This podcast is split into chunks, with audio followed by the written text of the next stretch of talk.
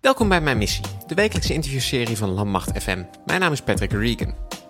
Kapitein Ewout van Dort is stafofficier Research and Development op het simulatiecentrum Landmacht. Ik sprak hem een aantal weken terug terwijl hij in de VS op een conferentie was die naar de toekomst van simulaties keek. Denk aan virtual reality, augmented reality, spatial computing. Delen van dit interview verschenen eerder in onze andere podcastserie De Landmacht, waarin ik in seizoen 1, De Landmacht werkt samen, de samenwerking tussen ons en het bedrijfsleven uh, tot in het diepste puntje onderzocht.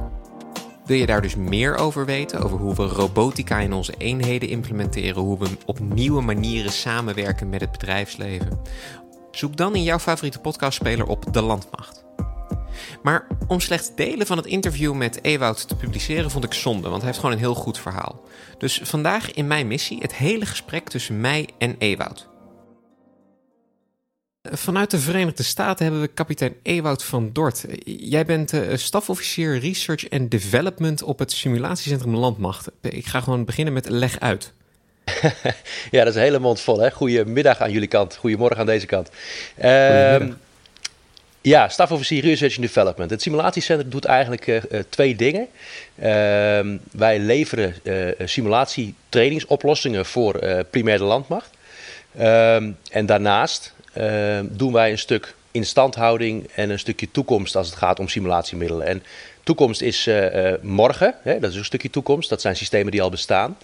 Um, en je hebt ook nog een stukje overmorgen en later. En dat zijn systemen die we als systeem misschien nog niet hebben, of als technologie nog niet hebben. Of misschien bestaat de technologie nog wel niet en moeten we daar uh, nog eens diep over nadenken. Um, en daar heb ik een rol in. Dat, dat laatste inderdaad, dus echt ver naar de toekomst kijken, dat, dat ben jij. Uh, ja, dat proberen we wel. Het is wel heel erg moeilijk, omdat je bent afhankelijk van de stand van de techniek. En die gaat verschrikkelijk hard. Uh, dat is ook een van de redenen waarom ik op dit moment in de Verenigde Staten ben. Um, maar we proberen daar wel zo, zo ja, nauwkeurig naar mogelijk naar te kijken. En dat doen we natuurlijk niet alleen. Dat gaat samen met partners als het TNO, het NLR, eh, universiteiten en dat soort partners. Um, om met elkaar een zo duidelijk mogelijk beeld te krijgen van wat komt er op ons af. Maar met name, voor mij, voor mij uitgezien, wat kunnen we ermee? Want uh, je zit nu inderdaad in de Verenigde Staten. Uh, waar precies ben je allereerst? Op dit moment ben ik in Orlando. Uh, eigenlijk elk jaar is in deze week, de, eerste week van, van december, ehm, is er een, een, conferentie hier in Orlando. Dat is de grootste conferentie als het gaat om militaire simulatietoepassingen. de IITSEC. En dat is een, een, een, evenement waar vanuit het simulatiecentrum, maar vanuit sowieso vanuit de landmacht, door een, een, groep mensen altijd aan wel wordt deelgenomen. Ik ga niet elk jaar. Um, maar nu dit jaar komt het toevallig zo uit dat ik hier wel ben. En uh, ja, weet je, uh, uh, het is nieuwe technologie, het is ver vooruitkijken. Dan ben ik wel heel benieuwd wat voor dingen je daar allemaal, daar allemaal tegenkomt. Nou, de conferentie is net begonnen, dus ik heb gisterenmiddag heb ik wat over de beursvloer rondgelopen. En met name wat mensen gesproken die ik, die ik ken vanuit het netwerk. Even wat verbindingen kunnen leggen. Dat, dat krijgt de rest van de week krijgt dat zijn vervolg. Uh, deze conferentie moet je uh, ook grotendeels zien in, ook weer in twee delen. Um, er worden heel veel lezingen gegeven over studieprojecten, opkomende technieken en dat soort dingen meer. En dat, dat, dat kun je heel breed zien. Um, en daarnaast zie je op de beursvloer zelf zie je allemaal bedrijven, maar ook organisaties. Hè, het Amerikaanse leger pakt hier heel groot uit. Die met name producten of resultaten van onderzoeken laten zien. En dat zorgt voor ons er ook voor dat we een, een, een zo compleet mogelijk beeld houden en krijgen van waar zijn uh, partnerlanden mee bezig. Want je kunt het allemaal als Nederlandje wel in je, in zelf willen gaan doen. Uh, maar dat gaat gewoon helemaal niet. We zijn altijd afhankelijk van partnerlanden. En daar waar we samen kunnen doen, uh, ja, dan doen we dat graag. Kun je wat, wat voorbeelden geven van dingen die je, dan, die je dan ziet, waar ze dan mee bezig zijn? Nou, ik net ik ben gisteren dus uh, maar een halve dag nog over de beursvloer geweest. Dus ik heb nog niet lang niet alles kunnen zien. Um, maar wat je bijvoorbeeld ziet is een, een bedrijf met wie ik al een, jaar of twee contact heb. En dat is een Amerikaans bedrijf die een, een, een, handschoen heeft ontwikkeld waarmee je virtueel gevoel kunt hebben. En dat wil zeggen niet alleen dat je iets fysiek kunt beetpakken, dat je je handen stopt. Hè, dat je, je hand stopt als je een virtueel object beetpakt. Maar je voelt ook de textuur van het object. Dat is revolutionair voor zover ik weet zijn zij de enige op dit moment die al zover zijn dat ze een product hebben wat het doet. En die staan bijvoorbeeld nu op een stand uh, vanuit het Amerikaanse leger voor uh, toepassingen in chirurgie. om mensen te trainen op virtuele patiënten in feite. Kijk, en dat zijn combinaties van technieken waar wij ook wel over nadenken, maar die, in dit geval zie je dat in Amerika ook al gewoon gebeuren. en dat zijn gewoon hele mooie dingen, waarbij de techniek als zodanig is fantastisch, maar de toepassing is nog veel fantastischer, zeg maar. En als we dan uh, dat als voorbeeld nemen, we hebben bij, uh, of althans, ik heb eerder bij het Suit systeem gekeken, waarbij je met virtual reality eenheden traint. En daar zie je heel erg dat ze, ja, ze zijn in een virtuele wereld en daar, daar gebeurt van alles en daar zien ze van alles. Um, maar bijvoorbeeld een muur kunnen ze nog steeds gewoon doorheen lopen. zouden ze dan met zo'n handschoen bijvoorbeeld het gevoel kunnen hebben van, oh hier staat een muur, dus daar moet ik niet verder? Ja en nee. Um voor Soet is van belang om te beseffen dat Soet uh, zeg maar, ongeveer twaalf jaar geleden is begonnen als een, een, een samenwerkingsproject tussen industrie en defensie. Dat heeft uiteindelijk heeft dat het product opgeleverd wat het nu is. En dat was uh, specifiek bedoeld om trainingen op te kunnen leveren. daar is het ook heel erg goed in. En je ziet op een gegeven moment heeft men een keuze gemaakt om qua techniek is goed genoeg. En dan vervolgens de diepte in te gaan naar meer de, de trainingsvaardigheden, trainingsanalyse en dat soort zaken meer vreselijk belangrijk om precies te weten wat je getraind hebt om daar met name de lering uit te trekken. Uh, als je kijkt naar de stand van de techniek, is uh, misschien niet meer uh, state of the art. Dat is ook helemaal niet erg, want je kunt er perfect mee doen wat je wil. Um, maar in de tijd dat we over Soet aan nadenken waren en Soet kwam, ehm, was die hele haptische feedback, zoals dat dan genoemd wordt, ja, die was er eigenlijk nog helemaal niet. Dat, dat was nog veel te ver weg, dus dat is nooit meegenomen in. En nog steeds is het experimenteel. Maar het begint wel steeds dichterbij te komen. Uh, ik, ik, trek zelf in presentaties eigenlijk altijd de link met uh, een film, ik weet niet of je hem kent, maar dat is uh, de Ready Player One film. waarin een, een, de, het personage in een virtuele wereld leeft. Um, waarbij hij volledig interactie heeft met zijn omgeving. Um, dat is allemaal futuristisch, maar al die losse onderdelen zijn gewoon in de markt al te koop. In het, in het verlengde, zeg maar, daarvan. Nee, wacht even. Eerst even terug naar het, naar het begin. Um, eh, we hebben nu Soet als voorbeeld aangehaald. Um, het simulatiecentrum is groter dan dat. Uh, kun je enigszins vertellen wat er dan um, eigenlijk ja, wat er gebeurt, wat we al doen en wat we buiten het Soet-systeem om ook nog uh, doen aan simulatie? Ja, binnen uh, Landmacht leveren wij een deel van de simulatiemiddelen. Er zijn er heel veel, hè, vele honderden zou ik haast zeggen. Uh, want alles wat niet echt is, is simulatie. Nou, het simulatiecentrum is gegroeid vanuit de systemen die we al hadden en is op een gegeven moment een jaar of tien geleden samengevoegd. Um, wat voor trainingen bieden wij onder andere aan? Wat, wat voor middelen bieden wij onder andere aan? Uh, dan moet je denken aan uh, het tactisch systeem, tactische indoor simulator, waarbij we de 97 en de Leopard 2 gevechtstank als, ja, dat noem je een mock-up, dus zeg maar de, de binnenkant van de tank is identiek nagemaakt. Ehm, de buitenkant niet, want dat hoeft ook niet. Ehm, en alle knopjes, alle metertjes, alle schermen, die doen het gewoon. Uh, op die manier kun je dus een crew compleet trainen in een grotere setting. Um, daar maken wij gebruik van voor de 97. Uh, eh, nu ook uh, voor de Leopard 2 met 414. maar ook buitenlandse eenheden komen daar veelvuldig trainen. Want het is een, een middel wat in zijn specifieke uitvoering ja, een van de weinigen, of zo niet de enige is met de, mogelijkheden die wij hebben. Dat is een van de middelen die we hebben. Een ander middel uh, is uh, bedoeld voor live training. Uh, je kunt je voorstellen als je in, in het veld een, een, training doet waarbij je op elkaar moet schieten, dat je dat uiteraard niet met scherp doet. Dat doen wij in dit geval met laser. Um, zodat de registratie van ik schiet op iets met een wapen, of dat nou een, een, een klein kaliberwapen is of een, een vervoertuig, dat kan allebei. Um, en dan wordt het, dus het, het schietgedrag en, en dergelijke wordt geregistreerd, zodat je achteraf kunt zien wie heeft wat gedaan en wanneer.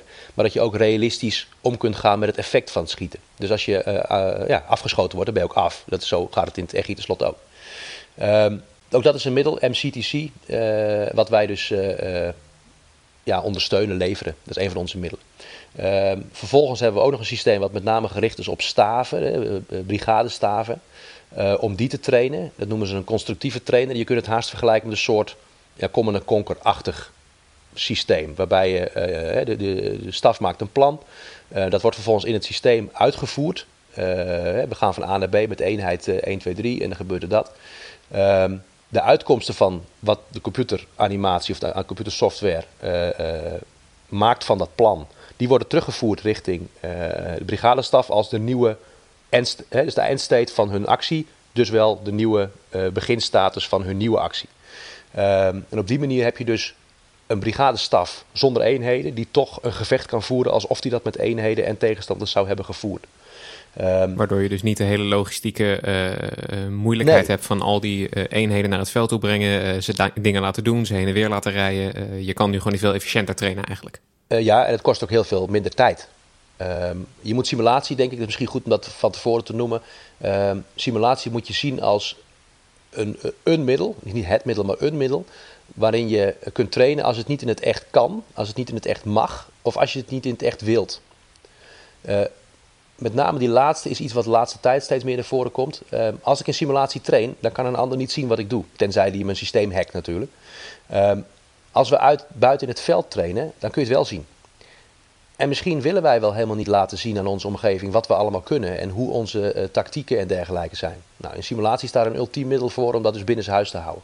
Maar je zult niet altijd alles kunnen trainen in, in simulatie. Je zult altijd nog wel heel veel dingen in het echt moeten doen. En met de, de, de ontwikkelingen die er gaande zijn, denk je dat er dan meer getraind kan worden in simulaties? Of blijft het ongeveer gelijk en wordt het gewoon beter? Nee, wordt wel meer. Want er komen steeds meer mogelijkheden uh, om te trainen. Aan de andere kant, uh, steeds meer van onze middelen die wij hebben als, als krijgsmacht zijn uh, digitaal ondersteunde middelen. En op het moment dat het een digitaal ondersteund middel is, kun je het ook digitaal trainen. Ehm, dus naarmate de technologische vooruitgang ook binnen onze organisatie verder gaat, wordt ook de trainingsmogelijkheid in simulatie groter. Welke, uh, los van de, je huidige bezoek aan de VS, zeg maar, welke ontwikkelingen ben je nu mee bezig? Wat zie je nu, nu gebeuren?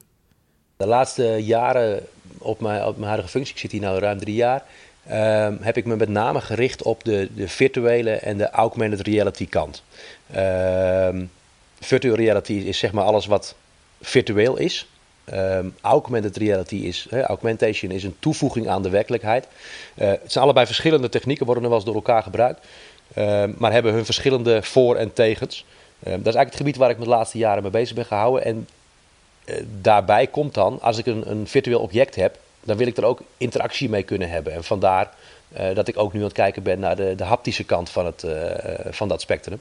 Zodat je ja, fysiek interactie kunt gaan hebben met je omgeving. Noem het maar als je de, nieuwe term spatial computing, waarbij je dus de computer, daar ben je dan zelf een onderdeel van, hè, de, de, de, de, content zit om je heen. Um, dat, daar is men nu druk mee. Dan kun je dus met gebaren en met spraak en weet ik wat niet al, kun je die computer dan bedienen. Maar het is veel natuurlijker als je dat ook kunt voelen, als je echt fysiek interactie hebt met je virtuele omgeving. Dat is een van de gebieden waar ik me op dit moment met name op richt.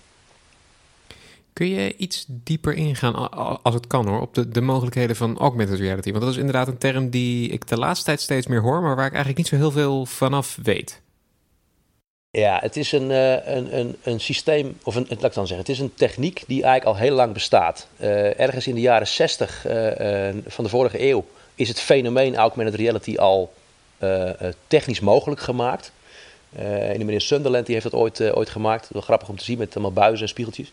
Um, dat, op zich was, hij, was die man in staat om een, een draadmodel, een kubus, vrij vliegend in de lucht te projecteren als een hologram. Um, daarna is het heel lang stilgebleven, want ja, de, computers van die tijd waren gewoon niet in staat om dat te kunnen. Tegenwoordig kan dat wel. En um, je ziet dus ja, bedrijven als een Microsoft die met een HoloLens op de markt kwam een aantal jaar geleden. En zo zijn er een heel aantal in het kielzog uh, bedrijven die nog dat soort dingen meer op de markt hebben gebracht.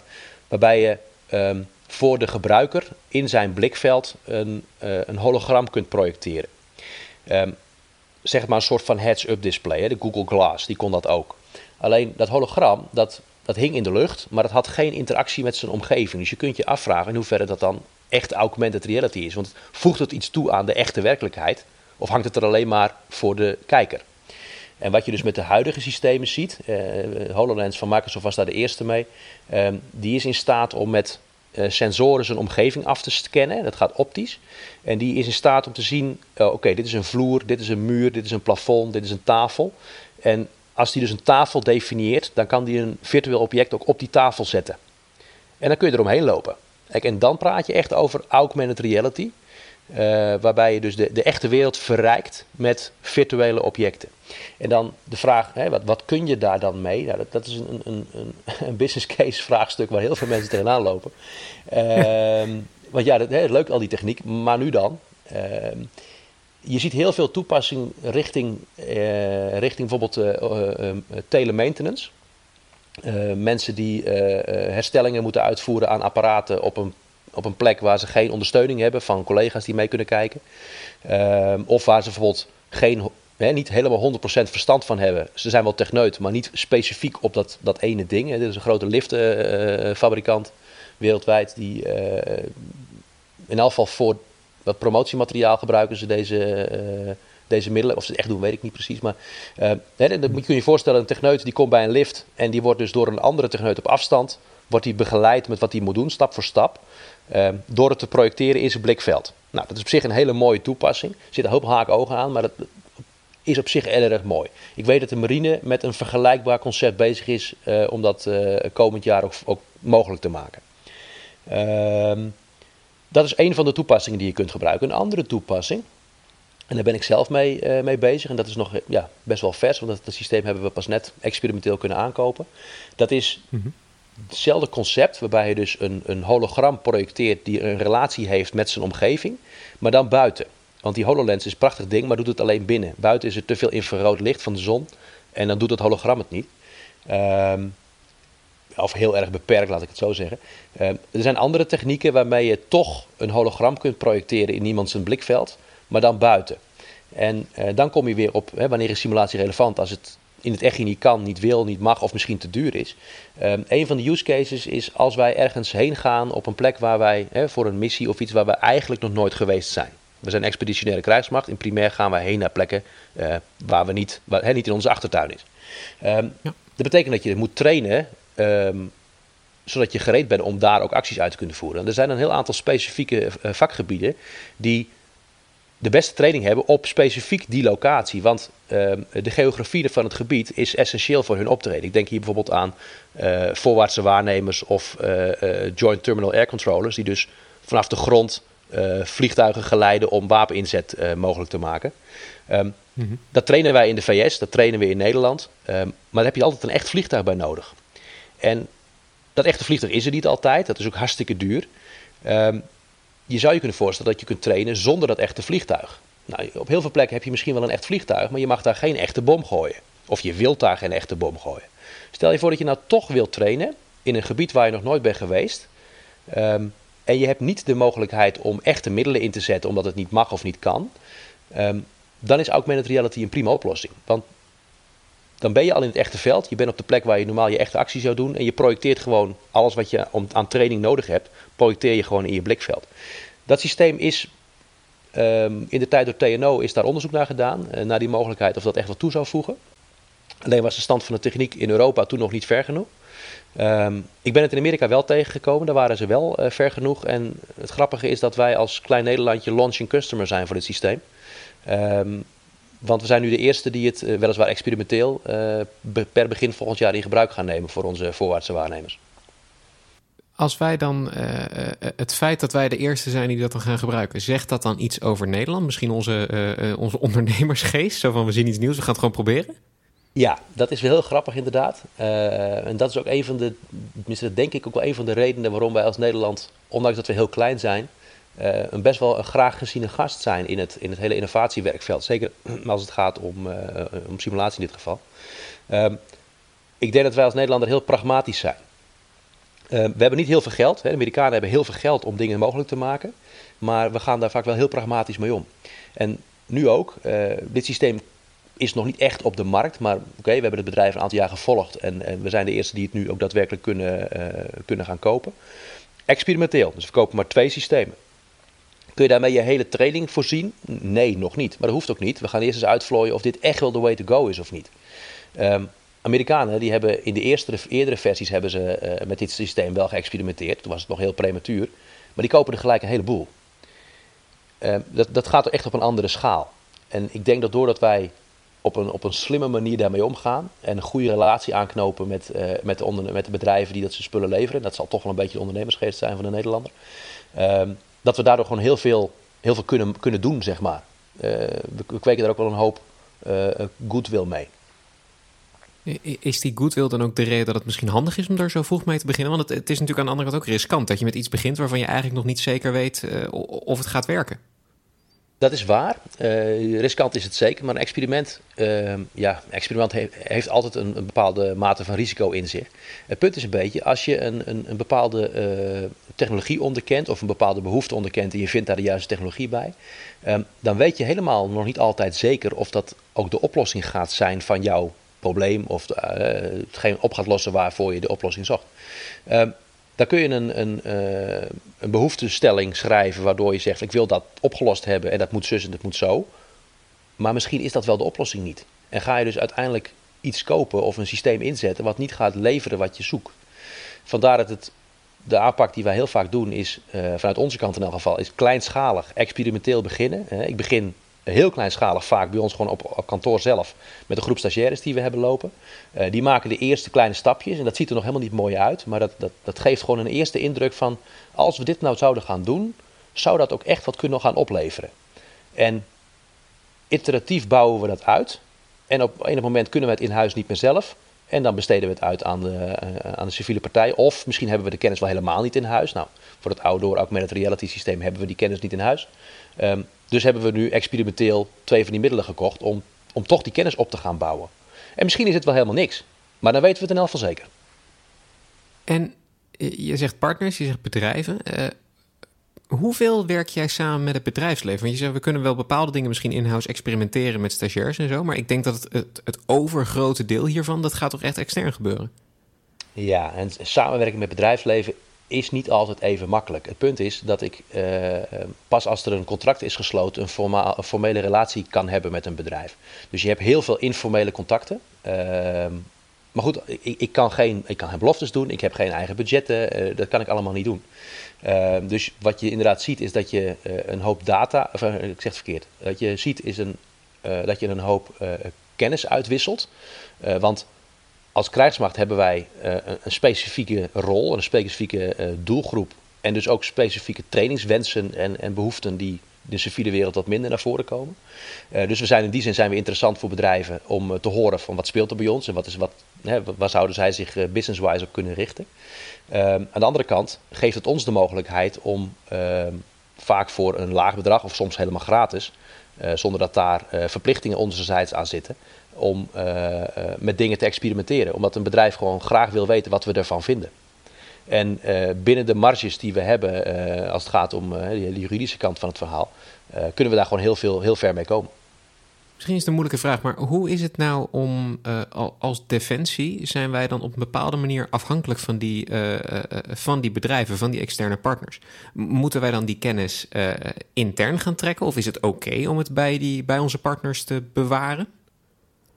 Dat is een hele lastige. Uh, vanuit de krijgsmacht is, is in veel gevallen TNO natuurlijk onze, onze kennisbank, om het zo maar te noemen.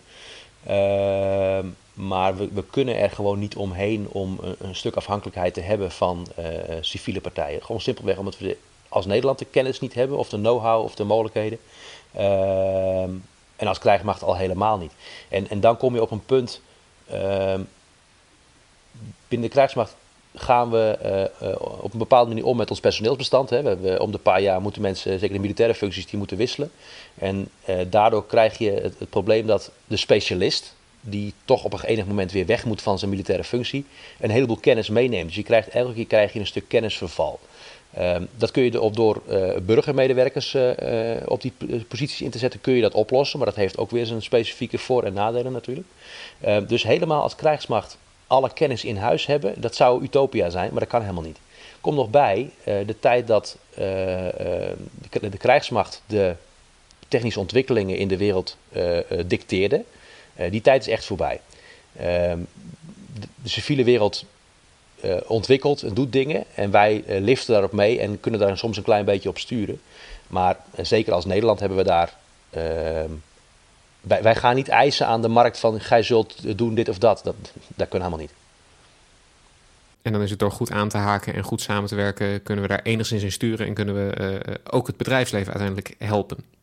Ja, en, en wat ook van belang is, uh, is dat ik natuurlijk ik zit helemaal aan de voorkant van de, van de techniek in dat geval qua implementatie binnen onze organisatie. Dus hetgeen waar ik mij mee bezighoud en de, de, systemen waar ik me druk mee maak, de technologie waar ik me druk mee maak, die is niet meteen randvoorwaardelijk voor onze gereedheid of onze inzet. Dat, dat, dat duurt een hele poos voordat dat soort dingen ingevoerd zijn binnen de organisatie en echt hun plekje hebben gevonden. Dus um, afhankelijkheid van bedrijven op mijn vakgebied, ja zeker, die is er. Maar heeft dat een grote impact op uh, het product wij als, wat, wat, wat wij als krijgsmacht kunnen leveren? Nee, dat niet. Dan kun je later altijd nog zeggen, mocht het operationeel echt noodzakelijk zijn dat we dit intern hebben, dan kun je over vijf, tien jaar kun je er altijd nog over na gaan denken of we dat misschien moeten gaan, gaan binnenhalen op de een of andere manier. Uh, ja, uh, en wat we proberen te doen is uh, zoveel mogelijk met de, de, kennisinstituten die wij in Nederland wel hebben, die dus ook onze, onze kennisdatabank zijn, hè, de, de, de TNO's, de NLR's en de Marins, dat we die zoveel mogelijk op hun specifieke ja, interessegebied, zeg maar, zoveel mogelijk op de hoogte houden van de dingen die we doen, waar we mee bezig zijn, zodat als er daadwerkelijk behoeftes ontstaan, dat we die ook in die lijn ook kunnen laten uitwerken, zodat we wel die kennis binnen hebben. Um, en misschien is de kennis wel van oké, die techniek bestaat, dan kunnen we dat mee en we kunnen het daar halen. Of we kunnen het op die plek kunnen halen, zeg maar. Um, misschien is dat al wel genoeg. En op het moment dat je het echt operationeel dingen gaat gebruiken, ja, dan zul je het goed moeten verankeren. Maar ja, dat, dat is nu helemaal zo. Ik bedoel, als het gaat om uh, technische ondersteuning van middelen die we hebben, zijn we ook afhankelijk van fabrikanten. Want reservedelen maken we ook niet zelf. Je noemde net stagiairs. Um, hoe vinden die het om voor, eh, voor de landmacht dingen te kunnen doen? Want volgens mij heb je echt wel een hele toffe, toffe plek. ja, ik heb inderdaad een hele toffe plek. Dat is wel, uh, wel grappig. Ehm, we hebben er meer als dat we er eh, kunnen accommoderen. en we moeten er elk half jaar een heleboel teleurstellen.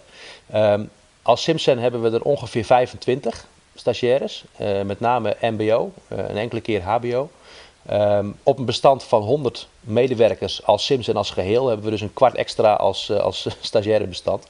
Uh, dat zijn jongelui uh, die soms wat atypisch overkomen in de militaire omgeving. Maar dat zijn wel de jongelui die de, de uh, kennis en de vaardigheden hebben die wij als krijgsmacht gewoon niet hebben of nog niet hebben. Um, merendeel van de mensen die komt uit uh, game art en game design. Dus dat zijn uh, jongelui die dus spelletjes maken. zowel van de programmeerkant als van de, de modelleerde kant. Dus hetgeen wat je ziet. En die werken bij ons bijvoorbeeld binnen Serious Games. Een van onze systemen die ik niet eerder genoemd heb. Maar een van onze systemen die we ook gebruiken is Serious Games. Zeg maar uh, schietspelletjes om het zo maar te noemen. Maar die we gebruiken voor het uh, uh, trainen van groepsoptreden, communicatie en dat soort dingen meer.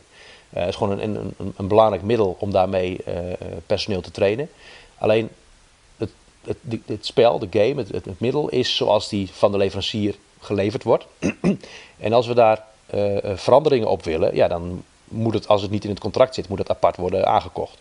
Nou, kleine veranderingen kunnen we dus zelf. En ik zeg we, uh, dat wordt dus uh, weliswaar door vanuit de militaire kant bedacht. Maar dat wordt uitgevoerd, fysiek uitgevoerd door de stagiaires die we hebben. En op die manier leren die jongelui uh, hun, hun, hun vakgebied, hun vaardigheden om, om uh, dingen te maken en dingen werkend te maken in een gameomgeving. En wij hebben het voordeel dat we tegen een nihil aan kosten een hele flexibele werkkrachtengroep hebben. Um, vanuit het bureau R&D, waar ik zelf natuurlijk zit, um, heb ik ook stagiaires, een stuk of vijf, zes, dat wisselt een beetje. Um, en die doen met name uh, uh, concepting. Dus als wij een idee hebben of er komt een, een, een, verzoek vanuit een van de eenheden van joh, zou je daar eens een, uh, vanuit simulatie gezien eens een keer wat aandacht aan willen besteden, dan laat ik hun in eerste instantie gewoon eens een, een, een eerste ja, een soort van digitale praatplaat maken. En daarmee ga ik dan terug naar de uh, vragende eenheid of de vragende kenniscentrum. Van joh, is dit ongeveer wat je dan bedoelde? En op die manier werken we dat uit. Um, en daarvoor zijn die stagiaires gewoon heel erg essentieel. Anders zouden we dit gewoon helemaal niet eens kunnen.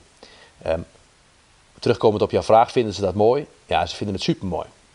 Um, wat je ziet is dat, is dat ze uh, normaal gesproken een half jaar uh, stage lopen bij een bedrijf, bij ons ook dus. En daarna moeten ze formeel van school naar een ander bedrijf. Je ziet heel veel van jongelui die vragen of ze een tweede half jaar ook bij ons mogen blijven. Nou, eigenlijk kunnen we dat altijd wel accommoderen. Uh, we hebben dus ook de luxe om uh, te selecteren. Uh, lui die heel goed zijn, die houden we graag binnen. En lui die nog wat een en ander moeten leren, nou, die, die, die, geven we de gelegenheid om dat ook te gaan doen op een andere plek. Mooi gezegd. ja, dankjewel. en wat je dus nu ook ziet, ik, we hebben natuurlijk een hoop vacatures binnen de krijgsmacht. Dat is, dat is spijtig en dat is zorgelijk. Alleen het geeft aan de andere kant weer kansen. om mensen tijdelijk te kunnen inhuren. En ehm, vanuit het stagiaire bestand kun je dus nu handpicked mensen selecteren die je graag nog wat langer hebben wil. Um, dus vanuit mijn eigen clubje heb ik nu drie mensen kunnen, kunnen inhuren voor de komende twee jaar. Twee mbo'ers en een hbo'er. Um, en zo hebben we binnen het simulatiecentrum al meer mensen tijdelijk kunnen inhuren. En wat je nu dus ook ziet, op het moment dat er dus burgerfuncties vrijkomen, die, die voor die personen passen, dan in een aantal gevallen lukt het om die mensen door te laten schuiven. Dus dan heb je gewoon een vaste medewerker in dienst, maar die je wel zelf hebt kunnen opleiden en kunnen vormen. En die ook dus zijn commitment naar de organisatie heeft. Want ja, hij is bij ons, hij, zij is bij ons begonnen. Ehm, dus je ziet dat, die, dat, dat spel met, met de, wat we dus hebben met de stagiaires en het product wat die kunnen leveren, de mogelijkheden die ze bieden en ook de kans die het ons geeft om in feite een stuk werving en selectie te doen, um, ja, dat is fenomenaal. Je noemde ze uh, uh, soms iets wat atypisch overkomen in een militaire wereld. A, hoe, leg uit, laat ik het zo zeggen. En B, is, is dat dan in het bedrijfsleven waar je eigenlijk mee samenwerkt, is dat dan ook zo? Nou, wat je ziet, uh, de, de, de gemiddelde, uh, het gemiddelde beeld van, van Defensie is dat mensen daar een bepaald uiterlijk beeld van hebben. Ehm, dat gaat dan over haardracht, over kledingkeuze, over nou ja, oorbellen, piercings en weet ik wat niet al meer. Um, we hebben een bepaalde uitstraling die wij als Defensie hebben. En ik denk ook dat het belangrijk is dat we die hebben zoals we die hebben. Um, de jongelui die hoeven daar natuurlijk niet aan te voldoen en die voldoen daar ook niet in. Wat je vaak ziet is dat die, die zoeken een stuk um, um, identificatie, zeg maar. en dat doen ze ook door zich op die manier te kleden en op die manier een stukje uiterlijk vertoon uh, te hebben. Dus ja, dat is echt wel atypisch. Uh, ik bedoel, de gemiddelde militair uh, heeft niet een paarse kuif. dan heb ik helemaal, nee, dat moeten mensen moeten zelf weten of ze een paarse kuif hebben. Maar dat zie je binnen een organisatie niet zoveel. Nou, dat zie je bij ons dus wel. Um, ook qua kledingkeus, ja, dat is de gemiddelde militair zie je er niet zo bij lopen. Um, maar ja, oké, daar kiezen ze voor. Aan de andere kant, um, als je daar doorheen kijkt, zijn het gewoon lui die uh, uh, specifieke skills hebben, ja, die, die wij gewoon niet hebben. Um, dus ja, dat is dan maar even zo. Dat is voor, voor velen die, die, die voor het eerst bij ons komen, dan zie je mensen nog wel eens een beetje reageren. Maar dat, ja, dat went snel. dan om uh, enigszins af te sluiten. Uh, de toekomst. En dan niet de horizon van een dag of de horizon van twee dagen, maar die van, weet ik het, vijf, tien jaar. Dat laat ik aan jou hoe ver je vooruit kan kijken. Maar dan ben ik heel benieuwd wat, um, welke rol simulatie in uh, de landmacht kan gaan spelen. En misschien ook wel gaat spelen. Ja, dat is een beetje lastig om te kijken hoe ver, hoe, hè, hoe, hoe, hoe ver kun je in de toekomst kijken. Dat is, dat is gewoon lastig, want ontwikkelingen gaan echt wel heel erg snel. Hangt ook heel erg af van uh, veranderingen in, in uh, onze taakstelling. Blijft die zoals die is of wordt die anders? Uh, op simulatiegebied denk ik dat het alleen maar belangrijker wordt. Sowieso gaan we eh, opgedragen naar minimaal 50% simulatie en training. ik denk dat het nog wel meer gaat worden. En het heeft ook te maken, denk ik, met de systemen die we binnen gaan krijgen. Als we kijken naar een stuk robotica die we, waar we nu naar, naar het kijken zijn, maar wat ontegenzeggelijk steeds meer uh, de organisatie in gaat komen. Um, om te trainen met dat soort middelen, uh, die je misschien wel niet altijd voorhanden hebt, hè, schaars, uh, duur, dat soort dingen meer, is, is simulatie een, een, een vereiste. dus daar gaan we zeker meer en meer naartoe. Um, ik denk ook dat we naar een stukje misschien wat telerobotica gaan, waarbij je bepaalde handelingen op afstand door systemen uit gaat laten voeren. Of dat nou een, een, een robotje is met handjes en voetjes, of dat het nou een, een, een platform is wat ergens iets doet. Um, ook daar is simulatie een essentieel trainingsmiddel voor. Um, dus ik, ik, denk dat het in de komende jaren zeker wel toe gaat nemen. Zeker ook omdat de technische mogelijkheden uh, toenemen. Wat ik al schetste net, de, hele haptische feedback kant. Um, dat is maar een voorbeeld. De hele uh, virtual reality, uh, virtual reality en augmented reality kant. dat wordt ook steeds beter. Inmiddels zijn er al headsets op de markt die een, een bijna net zo goed als je eigen oog beeld geven. Um, met dat soort technieken, en die, die, die gaan alleen maar beter worden in de komende jaren, naar verwachting, um, wordt trainen steeds realistischer. En ik denk ook dat in training op een gegeven moment steeds meer de het verschil tussen de realiteit en de virtualiteit gaat verschuiven, zodat je training zo realistisch mogelijk wordt. Ehm, en ik denk dat dat essentieel is, want als je mensen, zo je mensen moet je zo goed mogelijk voorbereiden op hun taak. He, de train as you fight adagium, um, dat betekent dat je eigenlijk moeilijker moet trainen haast als dat je het in het echt zult gaan tegenkomen. Dan kan het alleen maar meevallen. En daar is simulatie een, een, een prima middel voor om dat uh, mogelijk te maken. Dus dat, dat zie ik op die manier wel, uh, wel verder uitgebouwd worden, ja. Onwijs bedankt voor het luisteren. Mijn gast vandaag was kapitein Ewout van Dort. Delen van dit interview verschenen eerder in onze andere podcastserie De Landmacht Werkt Samen. Ben je nou fan van de show? Help ons door een review achter te laten op Apple Podcasts of Stitcher. Of raad de show aan bij vrienden, familie, collega's. En ben je nou benieuwd naar een onderwerp dat wij moeten behandelen? Tweet dan met de hashtag Mijn Missie of stuur ons een bericht op Facebook of Instagram. Mijn Missie is een productie van de Koninklijke Landmacht. Nieuwe afleveringen komen iedere maandagochtend online en je vindt ze in de meeste podcastspelers. Gewoon zoeken op Mijn Missie. Abonneer je en mis geen enkele aflevering. Je volgt Koninklijke Landmacht via Twitter, Instagram, Facebook en YouTube en check defensie.nl voor het laatste nieuws rondom de krijgsmacht. Nogmaals, onwijs bedankt voor het luisteren en tot volgende week.